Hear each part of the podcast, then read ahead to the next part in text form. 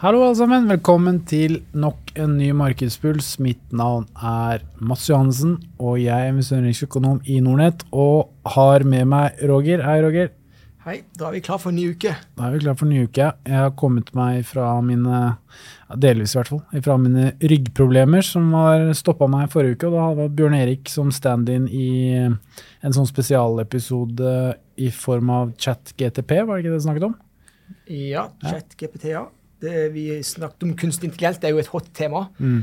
Eh, det ble jo en litt lengre puls enn vanlig, men eh, vår ambisjon er jo at vi skal dra det temaet inn i en ordinær uh, Pengepodden-episode òg.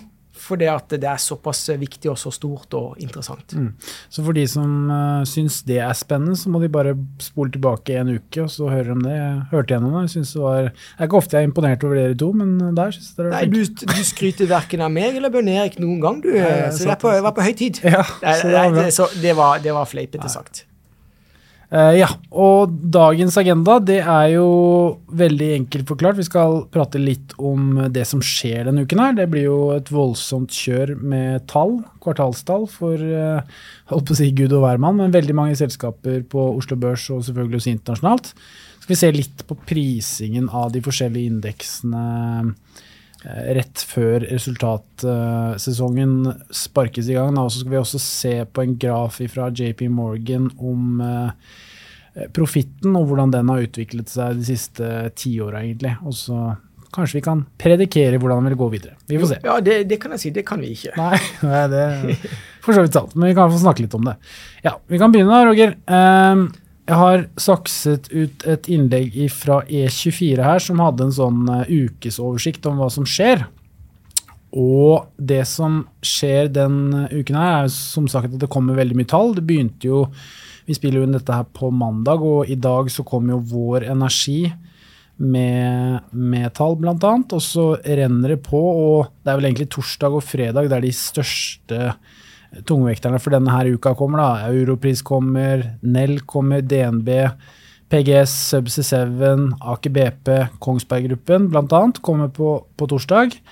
Og så på fredag så kommer Gjensidige, Norsk Hydro, Yara, Tomra, Skipsted, eh, Kitron, eh, Acetec. Ja, veldig mange selskaper kommer i løpet av denne uka. Da. Det kom egentlig litt kjapt på meg, egentlig. Tenkte jo at det skulle vente en par-tre uker til, ja, men eh, det er vel noen som vil ha tidlig sommerferie, eller? Eller, eller verden stopper ikke opp fordi ikke du er på jobb, eh, Mats. Det Nei, er det er egentlig sant. det det går på. Det er det. Egoet midt i veien der, ja. Det er det som er problemet. men, men spørsmålet er det trenger selskapet å levere tall hvert kvartal. Det gjør de vel ikke uh, i dag, men de aller fleste selskapene gjør det. Uh, og så er det jo noen selskaper som uh, leverer på ulike dager. Her ser vi det på fredag. Jeg syns det er litt kjedelig at selskapet leverer tall på fredag, for å være helt ærlig. Jeg liker bedre at de leverer tall på lørdager. For vet, vet du hvorfor? For da har du helga di på å se på det, vil jeg anta. Og det er bare én som har skjønt det, og det er Buffett selv. Ja. Så Berkshire leverer alltid tall på en lørdag. Så det er jo Men alle hans porteføljeselskaper har jo da levert tall, så han jukser jo litt da, for å ha litt mer tid på det.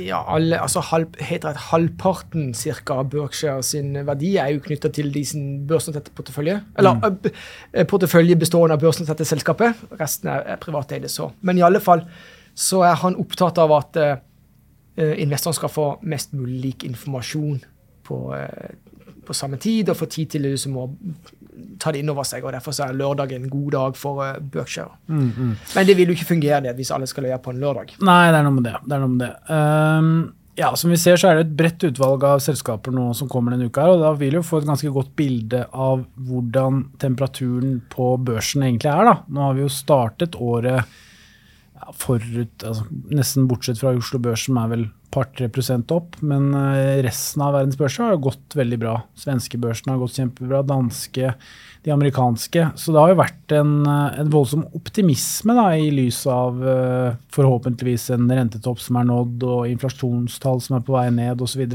Til tross for krig og all dette her. Disse urolighetene som vi har, har luskende i bakhånd.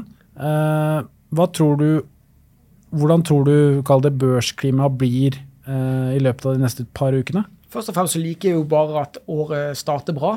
Eh, det finnes jo noe statistikk på, eh, på det. eh, sånn historiske tall å, å, se på. Det er jo som i mange tilfeller så starter året bra, så avsluttes det året bra, eh, selv om det kan bli ryglete eh, innimellom. Om, om så blir tilfellet i 2023, og det blir spennende, blir spennende, å se, så er det jo viktig å huske på det at fjoråret var jo begredelig for de aller, aller fleste. Bortsett fra at de som var investert på Oslo Børs, og ikke minst i oljesektoren.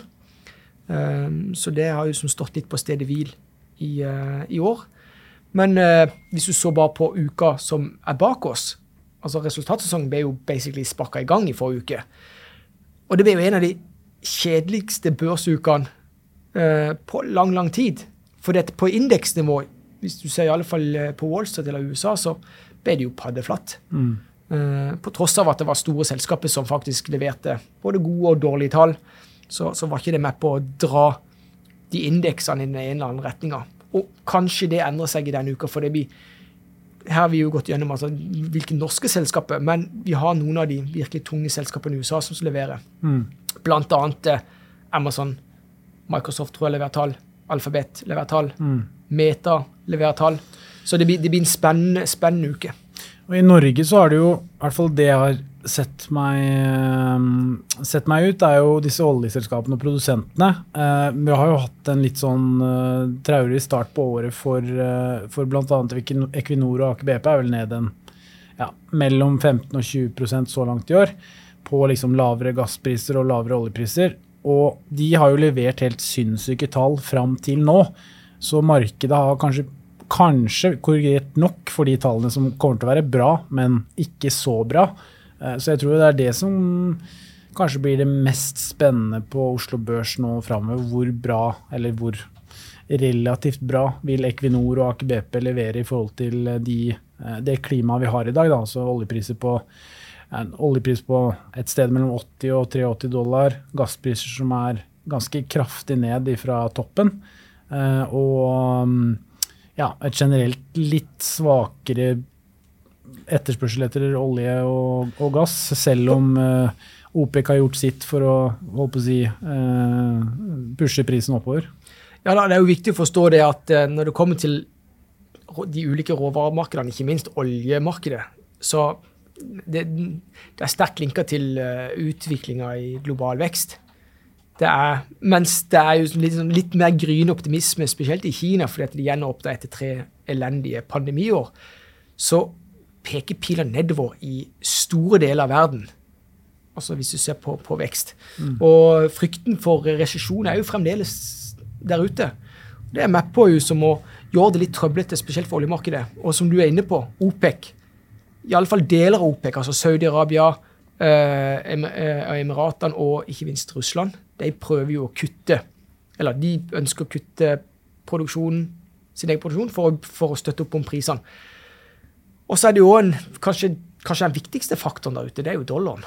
Dollaren er fremdeles altfor høy for at du som er litt sånn sustainable for, for resten av verden. Mm. Sånn som i dag, så Iallfall i Norge, vi importerer jo det meste av det vi konsumerer. Det er klart at når krona er så svak i forhold til dollaren, så eh, importerer vi mye inflasjon. Og det er, det, er ikke, det er ikke bra i det lange løp, som vi for nå har nødt til å gi eh, gjette for ja. at vi skal komme tilbake til normal. La det være sagt. Du vet jo hva jeg alltid konkluderer med. altså Det er viktig å være optimist.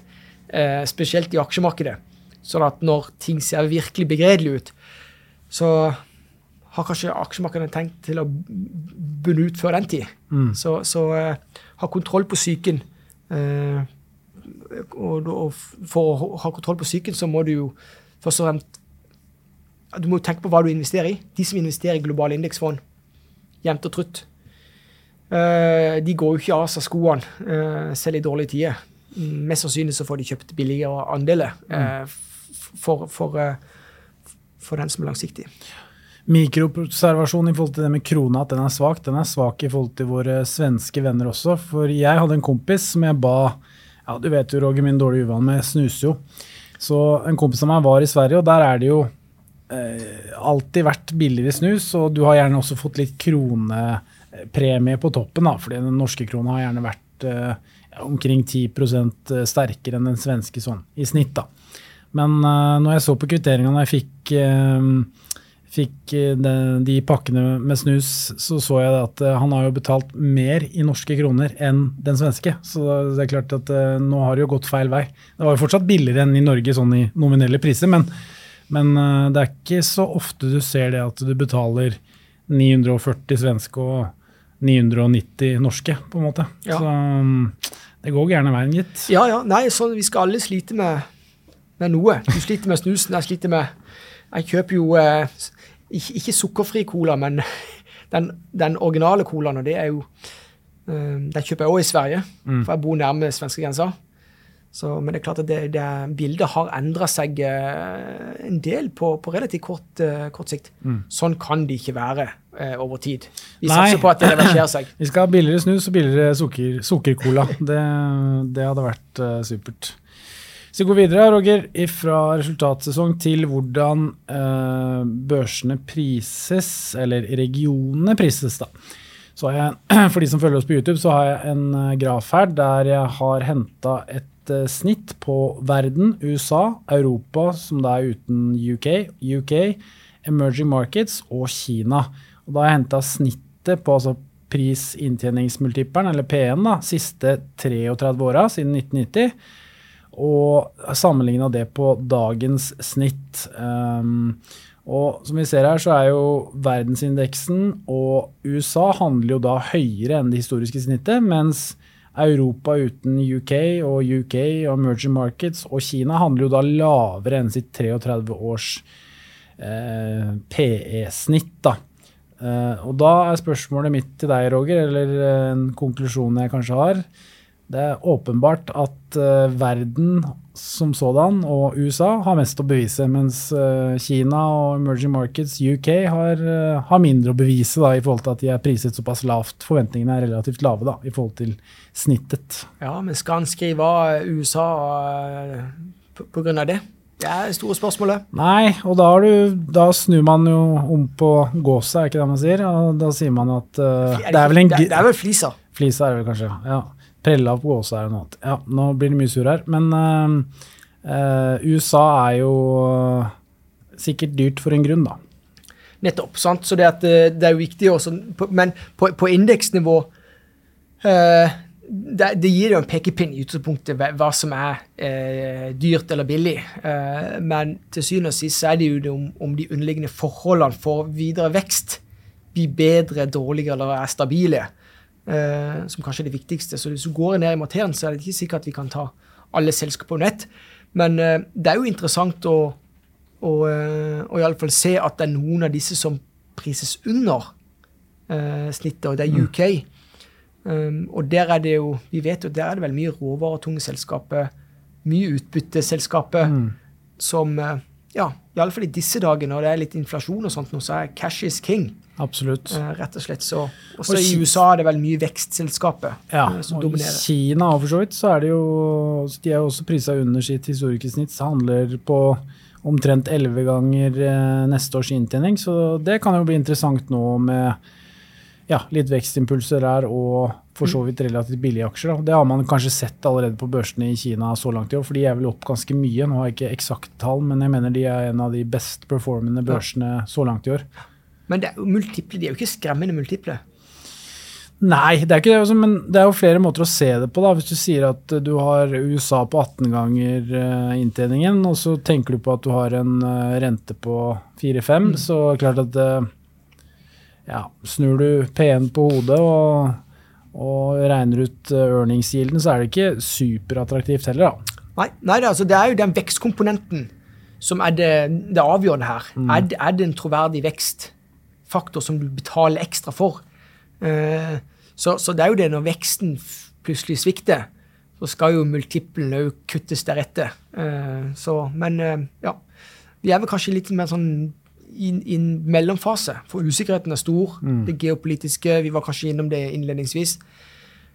Høy inflasjon, vi vet ikke om rentetoppen er nådd. eh, vi vet ikke om eh, kanskje Kina klarer de å dra verden videre. Eller må vi, må vi en tur nedom? Ja, vi vet vel egentlig ingenting, Roger, men vi prøver å, å forstå oss på det. Ja, vi, Det vet det så vidt, vi vet så vidt at det er mandag. Ja, nei, det var akkurat det. Nei da, men det ser i hvert fall sånn ut. Og så tenkte jeg at vi kunne gå videre på profittmarginer. Eh, og der er det en graf som jeg henta fra JP Morgan, som viser da USA, det viser Europa x UK, da selvfølgelig, og UK til venstre side i bildet her. Og Da ser man jo at marginene i USA har jo vært egentlig, bortsett fra covid, vært eh, på, på en stigende trend, mens det nå begynte, begynte å falle igjen da, inn mot 23 og egentlig falt ganske mye. da. Samme for så vidt med Europa, at det har begynt å dippe litt der også. Men UK, som du sier, sikkert pga. litt mer stabile eh, bedrifter, mye råvarer og ikke minst mye konsum, eh, har liksom fortsatt å takte oppover, da, som viser positive trender. Da. Så det er klart, hvis dette viser seg å være riktig også etter Q1-tallene, så vil jo det sannsynligvis skjer noe på den uh, P-grafen som jeg viste litt tidligere. Mm. Så det, det, blir interessant å se hva, hva, tallene kommer til å vise. og som sagt, jeg var vel inne på det, Vi fikk jo tall fra Vår Energi i dag. Fredrik, vår gode kollega, han er jo veldig bull på dette Vår Energiselskapet. og De viste vel omtrent en halvering av inntektene, tror jeg. Noe som uh, gir mening i forhold til lavere olje- og ikke minst gasspriser. Men de opprettholdt også utbyttet, og det gjorde at aksjen i dag faktisk er opp. Da, mm. Selv om tallene sånn egentlig var, var, mye dårligere enn kanskje hva markedet forventet. Da. Og det er vel litt av det vi kommer til å se også på en del av de store oil majorsene. Så lenge de klarer å opprettholde en relativt fornuftig utbyttepolitikk, så vil nok veldig mange være veldig fornøyd. Da, for det er jo veldig mye store fond og store enkeltaktører som har kjøpt mye av disse oljeselskapene rett og slett på dividendegilden. Altså de har jo gitt såpass gode utbytter nå og kommer til å gjøre det i, i, eller, i relativt uh, visibel framtid også. Uh, og jeg tror det er det det kanskje står og faller mye på for investorene. da. Ja, Ellers kan jeg jo si at de tallene som kom i forrige uke, da er det jo, hvis du ser på de, de som er, hva skal vi si, leder an, og det var jo de store bankene i USA der kom det jo ingen store negative overraskelser. Tvert imot eh, så leverte jo de bedre enn venta. Og de fleste da fikk jo en påfølgende kursoppgang òg. Mm. Store spørsmålstegn knytta til selvfølgelig de store bankene pga. den bankkollapsen vi hadde en måned siden. Fire-fem uker siden, altså Silicon Valley Bank. Så det er klart at kapitalen har jo strømt fra noen banker til andre banker, til igjen de store bankene. men, men eh, om noe så var det vel positive ting å ta med derifra. Eller så har det vært noen selskaper som har slitt veldig. Vi så jo et selskap som Nordic Semiconductor, som for øvrig jeg har i, i, i min norske portefølje, eh, fikk på pukkelen. For de eh, gjorde det jo svakere enn forventa, selv om de da hadde eh, varsla eh, dårlige tall på forhånd òg. Så, så det, er, det, er, jo store sprik på ulike Når vi kommer på liksom, sektornivå eller industrinivå. Mm. rett Og slett så. Og Det er mange av de tech-aksjene på Oslo Børs som har gått ganske mye i det skjulte så langt i år, i, i lys av at Nasdaq har steget sannsynligvis, og så drar det med seg. Så det er klart, hvis ikke de leverer, så kan vi få flere sånne Nordic-tilfeller, for, for, å si det sånn, at du er, rett, du er 30 rett i fanget på talldagen. Det kan ja. jo fort skje hvis du ikke leverer det som kanskje markedet hadde håpet eller forventa. Så med den litt depressive uh, slutten, Roger Jeg er jo, som du sier, du er optimist, jeg er kanskje litt mer pessimist, eller rasjonalist, da, vil jeg jo tørre å påstå. Så kan vi jo bare si at uh, vi ønsker alle våre lyttere og seere og, og, kunder ikke minst en riktig god børsuke, og så prates vi igjen til uh, neste uke. Ha det bra.